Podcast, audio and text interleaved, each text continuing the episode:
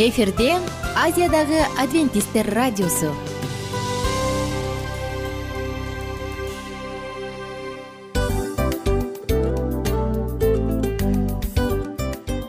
Достор салют. Баардык сүйүктүү угармандарыбызга салам айтабыз. Кутман күнүңүздөр менен.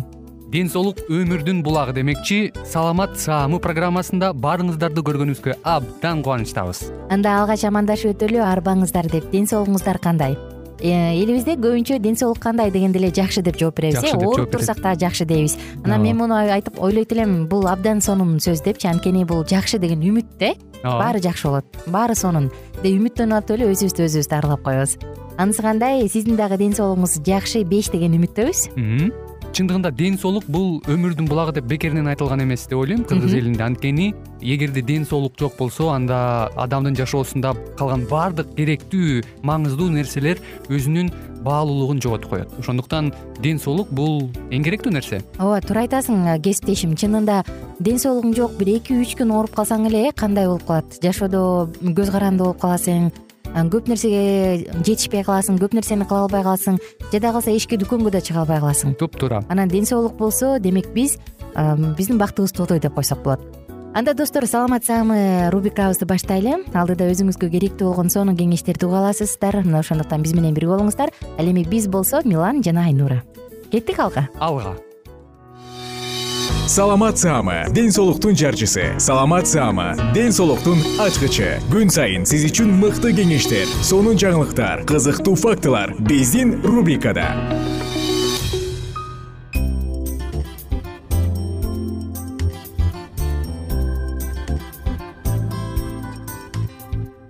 Салам достор. Биздин сүйүктүү угармандарыбыздын баардыгын саламат саама рубрикасына чакырабыз. Кош келиңиздер кайрадан амандашканыбызга кубанычтабыз. Бул жыштыкта бул учурда бул мүнөттөрдө сиздер үчүн маанилүү жана сонун маалыматтар менен бөлүшүүгө даярбыз. Бүгүнкү темабыз мөмө диетасы деп аталат. Ооба достор кадимки эле мөмө диетасы.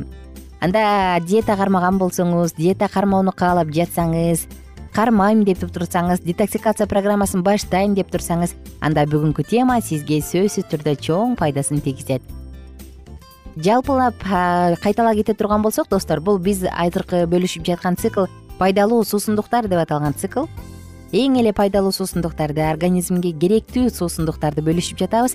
Албетте бул суусундуктар ширелер смузи сок тундурмалар кайнатмалар бульондор булардын баардыгы тең ушунда. Жана акыркы программаларыбызда биз детоксту кантип туура кылыш керек кантип организмди тазалаш керек эмне үчүн тазалаш керек? Уулардын түрлөрү токсиндердин түрлөрү жөнүндө сөз кылып атабыз.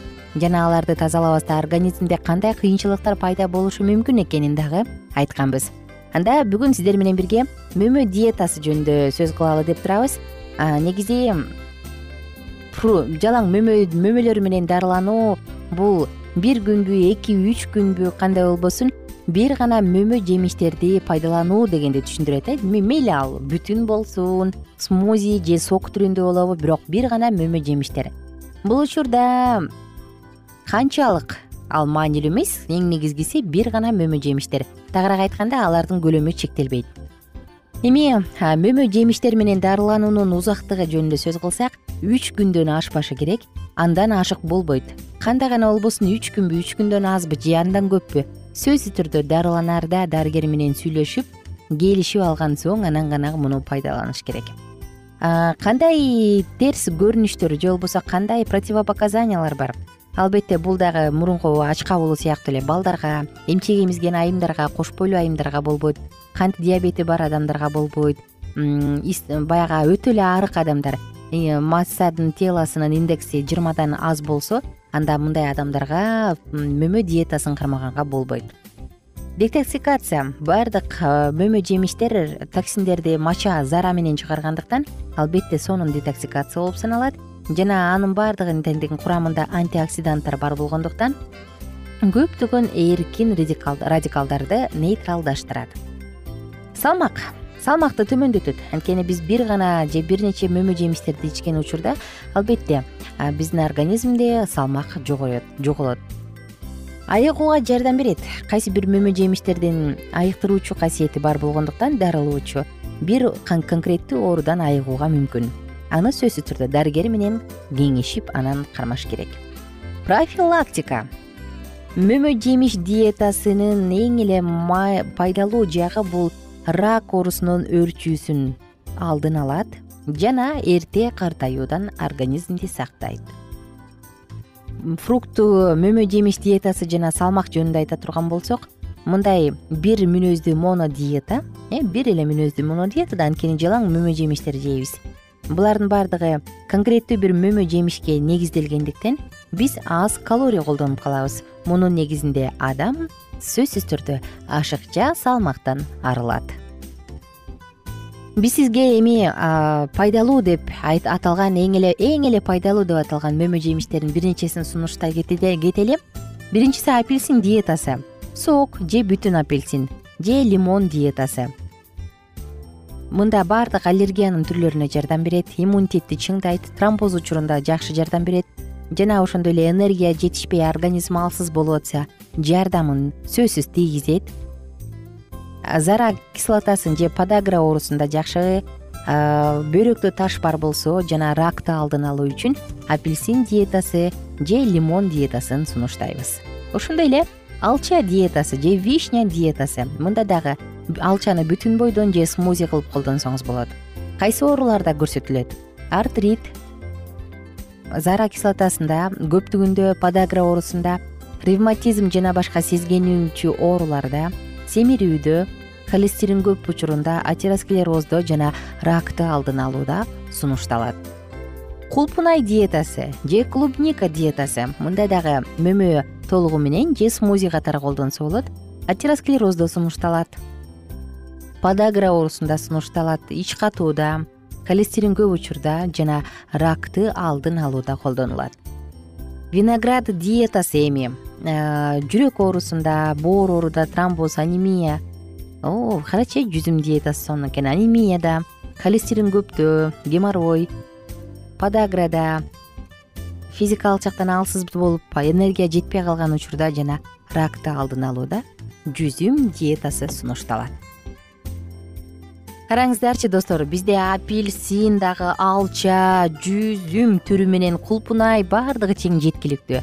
Дал ушул мөмө жемиштерди жашылчаларды баардыгын тең колдонуп өзүбүздүн ден соолугубузга кам көрсөк болот. Бүгүн сиздер менен бирге мөмө диетасы жөнүндө сөз кылдык. Мөмө жемиш диетасы баардыгын колдонуп көрүңүз. Ичиңиз жеңиз колдон келишинче жашоодон рахат алыңыз. Дагы рахат дегенде эле ичимдик ичип эч нерсени билбей калгандык эмес. Туура тамактанып сапаттуу жашап оорубай анча мынча акчаны дарыга коротпой ооруканаларга коротпой тескерисинче өзүбүз баарлашуубуз үчүн коротуп ден соолукту чыңдай берсек болот. Достор ошондуктан оорубаңыздар бай болуңуздар бар болуңуздар. Мен болсо сиздер менен коштошом. Ден соолукка байланыштуу баардык сонун маалыматтарды угуш үчүн саламат чекит клуб сайтына келиңиз дагы. Сонун биздин кеңештерибизди угуңуз ден соолугуңузду чыңдаңыз. Коштошом кийинки уктуруулардан кайрадан амандашканча күнүңүздөр көңүлдүү маанайда улансын. Оорубаңыздар. Бүгүнкү күнүңүз дагы мыкты өзгөчө жемиштүү күндөрдөн болсун. Эң башкысы биз каалоо тилек айтканда дагы дайыма ден соолук ден соолук деп каалайт эмеспизби. Анткени ден соолук биринчи байлык экенин билебиз ушул байлык сизди эч качан калтырбасын. Биринчи экинчи үчүнчү баардык байлыктардын ээси болуңуздар достор амандашканча сак саламатта туруңуздар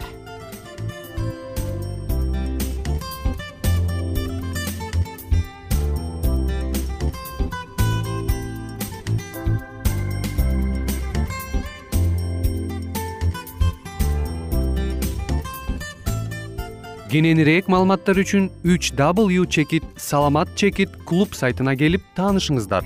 Жана андан тышкары социалдык тармактарда youtube facebook жана instagram баракчаларына катталыңыз.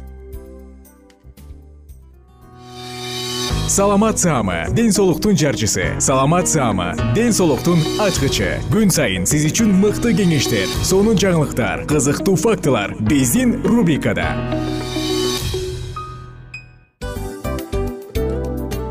салам достор. Кайрадан биздин сүйүктүү рубрикабызга кош келиңиздер деп айтмакчыбыз. Баардык замандаштарыбызга арбаңыздар деп саламыбызды айтабыз. Улуу ушундай бир э, урматтаган учурашуу менен анан дил маек радио баракчабызга чакырабыз. Негизи дил маек биздин рубрикабызда эмне жөнүндө кеп кылабыз бул дил маектин мааниси эмнеде рубрикабыз менен кичине тааныштырып кетсеңиз. Сөзсүз түрдө тааныштыра кетейин. Кесиптешим суранычы боюнча бул учурда бул радио баракчада биз ар тарап кесип ээлеринен сонун кеңештерди алабыз сүйлөшөбүз сырдашабыз. Аталарыбыздын эжелерибиздин апаларыбыздын кеңештерин угабыз айтор. Жан дүйнөгө адамдын э, сапатына адамдын деги эле адам болуп жашашына керектүү баардык кеңештер алдыда. Негизи э, дил маек дегенде баягы эки адамдын ортосундагы сырдашуу кенен сүйлөшүү. Негизи эле биз адамдар бири бирибиз менен бир жерге жай жерге отуруп алып өзүнчө тынч э, жашоо жөнүндө өмүрүбүздө эмне болуп атканын бөлүшкөнү жакшы көрөбүз э адамдар. Ооба туура айтасың анан мындай учурга кээде убакыт да жетпей келет э? Же болбосо сырыңды кайгыңды муңуңду кубанычыңды айткың келет а адамга ишенбешиң мүмкүн. Ооба. А бул радио баракча угармандарыбыздын чыныгы досу анткени бизден алган кеңеш сиздин жашооңузга чоң жардам берет. Ал эми сиздин бизге айта турган сөзүңүз ортодо гана сыр бойдон калат. Ошондуктан биздин дил маек рубрикабызга дагы бир жолу кош келиңиздер. Жана биз даярдаган маалыматтарга даяр болуңуздар. Айнура жана милан сиздер менен бирге алдыга кеттик ар түрдүү ардактуу кесип ээлеринен. Алтын сөздөр жүрөк ачышкан сыр чачышкан сонун маек. Дил маек рубрикасында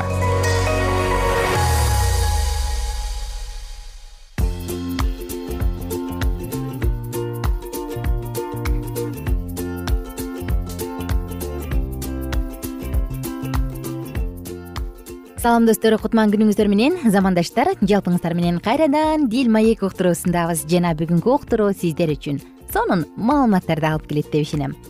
Биз сиздер менен бирге махабат күнөө болушу мүмкүнбү? деген теманын жаңы циклдын үстүнөн сөз кылып жатабыз.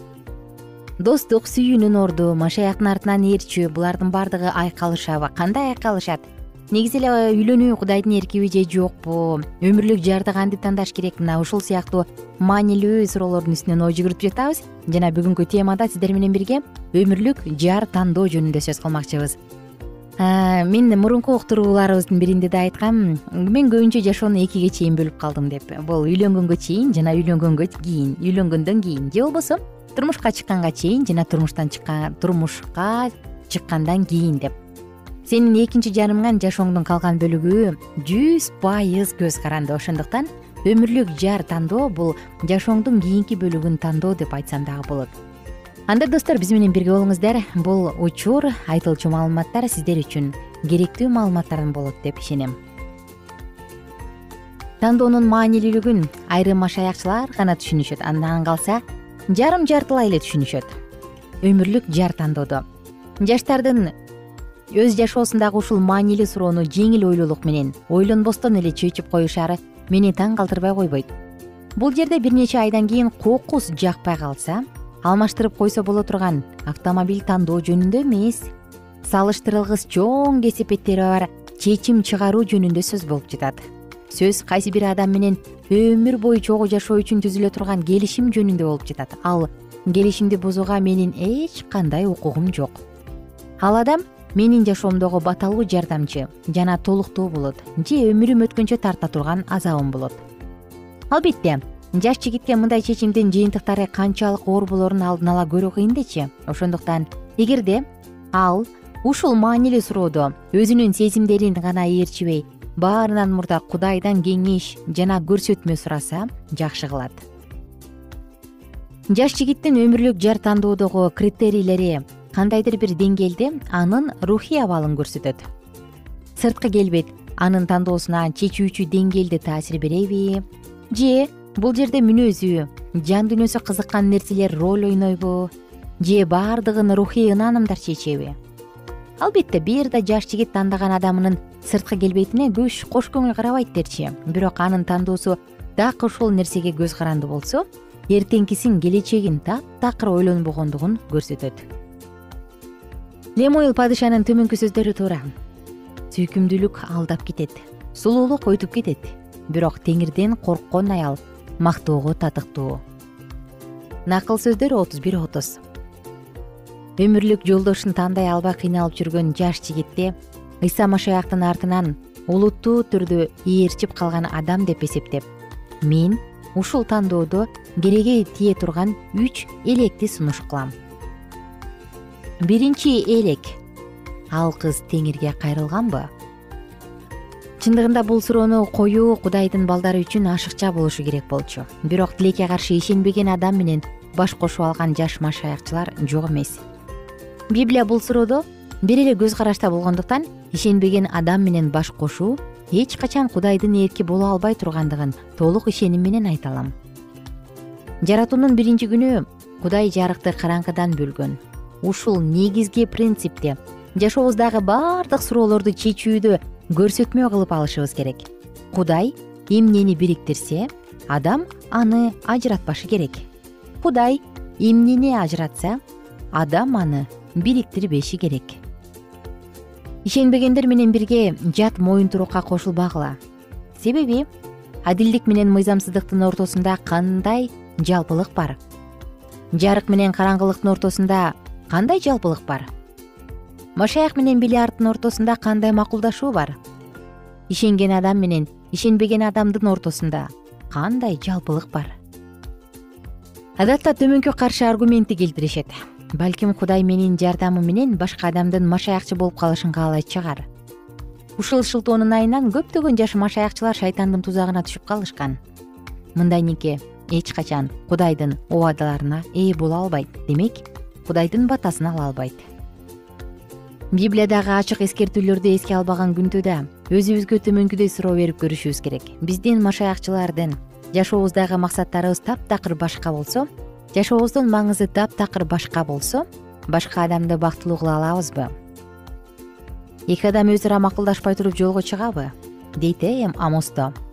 Экөөнүн бири асманга барчу жолдо болсо экинчиси түбөлүктүү каргышка барчу жолдо болот. Бири машаяк үчүн жашашы керек болсо экинчиси өзү үчүн жашагысы келет. Бири бул дүйнө сунуш кылган нерселерди азгырык сыноо катары кабыл алса экинчиси аларды өзү эңсеген рахат катары кабыл алат.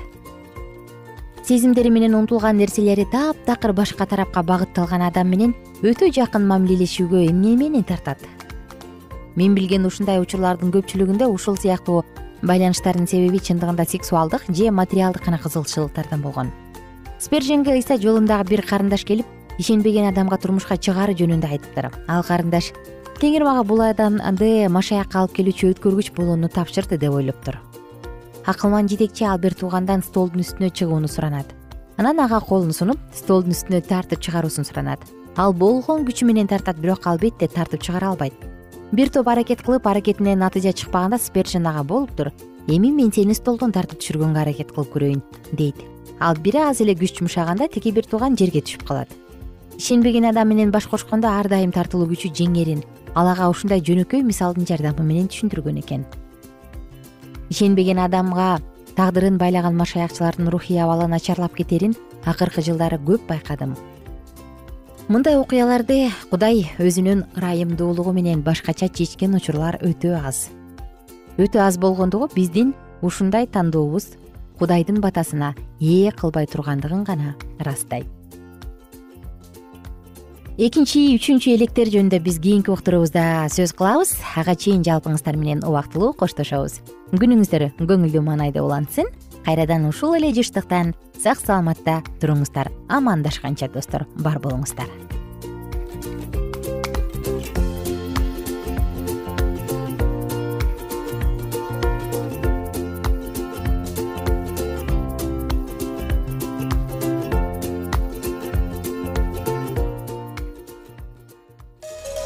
ар түрдүү ардактуу кесип ээлеринен алтын сөздөр жүрөк ачышкан сыр чачышкан сонун маек дил маек рубрикасында.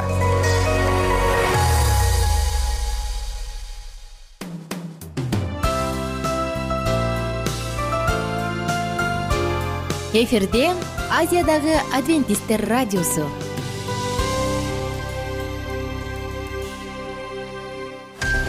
жан дүйнөңдү байыткан жүрөгүңдү азыктанткан жашооңо маңыз тартуулаган жан азык рубрикасы.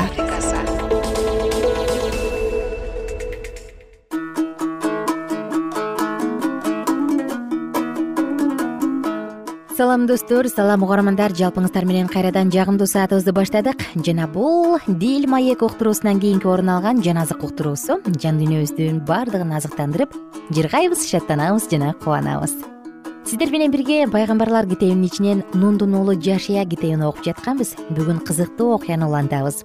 Бир аз эске салсам мурунку уктурууда биз ысрайыл эли жерихо шаарын жети күн бою айланып жетинчи күнү дагы айланып сурнай тартып эл жапырт кыйкырганда шаардын дубалдары кулап калгандыгын айтканбыз эсиңиздеби? Анан эл шаарга баардыгын басып алып кирген. Окуяны андан ары улантабыз нундун уулу жашия алтынчы бөлүм жыйырманчы аяттан нары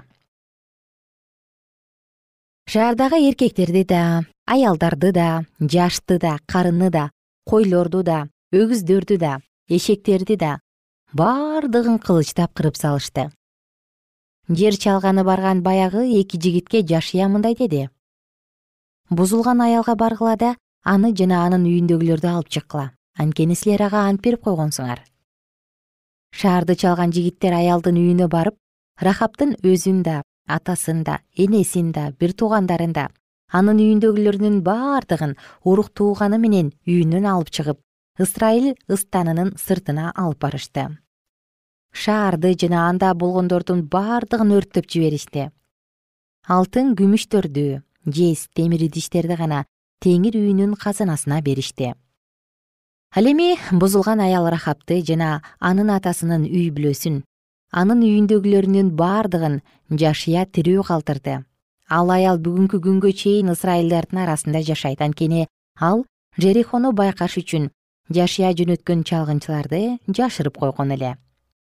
Ошол учурда жашия мындай каргыш айтты. Ким жерихо шаарын кайра калыбына келтире турган болсо ал кудайдын алдында каргышка калсын ким анын пайдубалын тургузса тун баласынан ажырайт. Дарбазасын орнотсо кенже баласынан ажырайт. Теңир жашия менен болду. Анын даңкы бүт жер жүзүнө тарады. Нундун уулу жашия жетинчи бөлүм. Бирок ысрайыл уулдары кылмыш кылып каргышка калган нерселерден катып алышты. Жүйүт уруусунан зерактын уулу забдийдин уулу карминин уулу ахан каргышка калгандардан катып алды. Ошондо ысрайыл уулдарына теңирдин каары кайнады. Бейт элдин чыгыш тарабындагы бейт абенге жакын турган айш шаарына жашыя жериходон кишилерди жөнөтүп аларга мындай деди. Барып жерди көрүп келгиле. Алар жөнөп кетишти да айды карап келишти. Анан жашияга кайтып келип мындай дешти. Бардык эл барбасын эки же үч миңге жакын адам барып айды басып алсын. Бүт элди убара кылып ал жака жибербе анткени ал жердеги аз эл экен. Ошентип элдин арасынан ал жакка үч миңге жакын киши кетти бирок алар айдын тургундарынан качып жөнөштү. Айдын тургундары алардын отуз алты кишисин өлтүрүштү. Аларды шаар дарбазасынан шебаримге чейин саяк кууп жетип тоонун эңкейишинде талкалашты.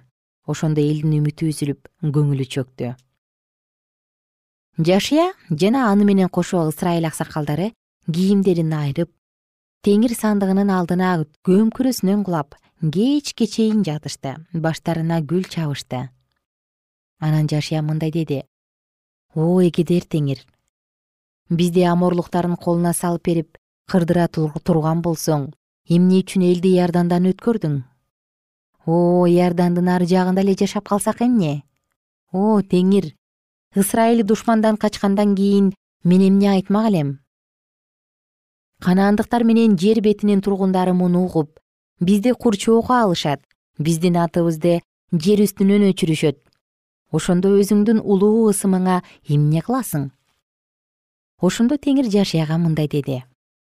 Тур эмне үчүн жүз төмөндөп жыгылдың ысрайыл күнөө кылды. Аларга берген менин келишимимди бузушту каргышка калган нерселерден уурдап жашырып өз буюмдарынын арасына катып алышты. Мына ошон үчүн ысрайыл уулдары кас душмандарына туруштук бере албай душманынан качып жөнөштү. Анткени алар каргыштын астында калышты. Эгерде араңардагы каргышка калгандарды жок кылбасаңар мен силер менен мындан ары болбойм. Тур элди ыйыкта. Аларга мындай де. Таң атканга чейин ыйыкталгыла анткени ысрайылдын кудай теңири мындай дейт. Каргышка калган нерсе сенин ичиңде ысрайыл каргышка калган нерсени өзүңдөн алып салмайынча кас душмандарыңа туруштук бере албайсың эртең эртең менен уруу уруу болуп келгиле. Теңир көрсөткөн уруу тукум тукум болуп келсин. Ал эми теңир көрсөткөн тукум үй бүлө үй бүлө болуп келсин. Теңир көрсөткөн үй бүлөдөгүлөр бири бирден келсин. Каргышка калган нерсени уурдап айыбы ачылган адамды отко өрттөп жиберишсин. Теңирдин келишимин бузуп ысрайылдын ичинде мыйзамсыз иш кылганы үчүн өзүн жана ага тиешелүү нерселердин бардыгын өрттөшсүн. Жашыя эртең менен эрте туруп ысрайылга уруу уруу болуп келгиле деп буйрук кылды. Ошондо жүйүт уруусу көрсөтүлдү. Анан ал жүйүт уруусу келсин деп буйрук кылды. Ошондо зерактын тукуму көрсөтүлдү зерактын тукумуна үй бүлө үй бүлө болуп келсин деп буйрук кылды. Ошондо забдийдин үй бүлөсү көрсөтүлдү. Анын үй бүлөсүндөгүлөр бири бирден келсин деп буйрук кылды. Ошондо жүйүт уруусунан зерактын уулу забдийдин уулу карминин уулу ахан көрсөтүлдү. Ошондо жашия аханга мындай деди. Уулум теңирди ысрайылдын кудайын даңазала анын алдында күнөөңдү мойнуңа ал. Анан эмне кылганыңды мага айт менден жашырба ахан болсо жашияга мындай деп жооп берди. Ысрайылдын кудай теңиринин алдында күнөөгө батканым чын мен мындай кылдым. Олжолордун арасынан бир жакшынакай шынар кийимин эки жүз күмүш шекелди салмагы элүү шекел уюлтулган алтынды көрдүм. Алар мага жагып калды. Ошондуктан мен аларды алдым. Мына алар чатырымдын ортосунда көмүлүп турат. Күмүштөр да ошол жерде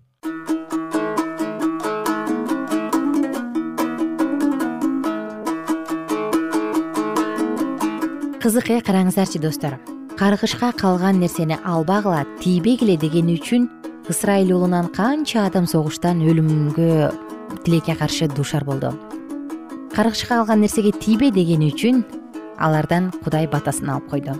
Уктуруубузду кийинкиде улантабыз. Ушул ахан менен эмне болот? Мына биз кийинки уктуруубузда тыңдайбыз. Ага чейин сак саламатта туруңуздар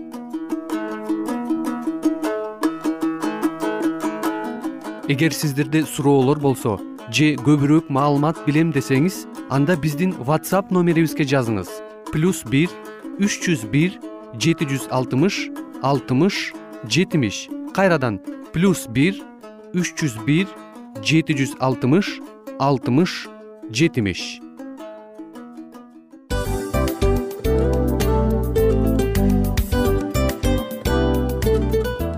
ушул менен достор программабыздын уктуруубуздун эң кайгылуу мөөнөтүнө келип жеттик. Кайгылуу дегенде ыйлагым келип кетти кесиптеш. Кадимкидей. Анткени баягы учурашасың анан коштошуу учур келгенде ии кантип ии эми эми бат баттан келиптир э сагындырбай деп атып араң коштошобуз го анысы кандай угармандарыбыз менен коштошчу учур келди. Кийинки уктурууларды сагыныч менен жүрөгүбүздө кусалык менен күтөбүз жалпыңыздарды анан жарым сааттык уктуруу көз ачышым канча өтүп кетти. Сөзсүз бирок бизде жакшы кабар бар. Кийинки уктурууларыбызда сөзсүз дагы кезигишебиз. Анткени биз көптөгөн сюрприздерди кызыктуу маалыматтарды жана керектүү керектүү нерселердин көбүнчөсүн даярдадык анда угармандарыбыздын баардыгына ийгиликтүү күн каалайбыз. Эгерде бүгүнкү күнүңүз өзгөчө э, өтүшүн кааласаңыз анда позитивдүү ой жүгүртүп жылмайып жакындарыңызга жакшы маанай тартуулап жүрө бериңиз анткени сөзсүз түрдө мунун арты кайтат э? Сөзсүз. Баягы ден соолугуң оңолот ал бул деп көп нерсени санап келебиз. Эң негизгиси бул сиздин жашооңузду жаркын кыла түшөт экен жараткан кудай ар бирөөңүздөргө батасын берсин жашооңуз ийгиликтүү болсун сак саламатта калыңыздар деп мен милан жана кесиптешим айнура. Баардыгыңыздар менен кийинки уктурууда үн алышканча баарыңыздарга ийгилик каалайбыз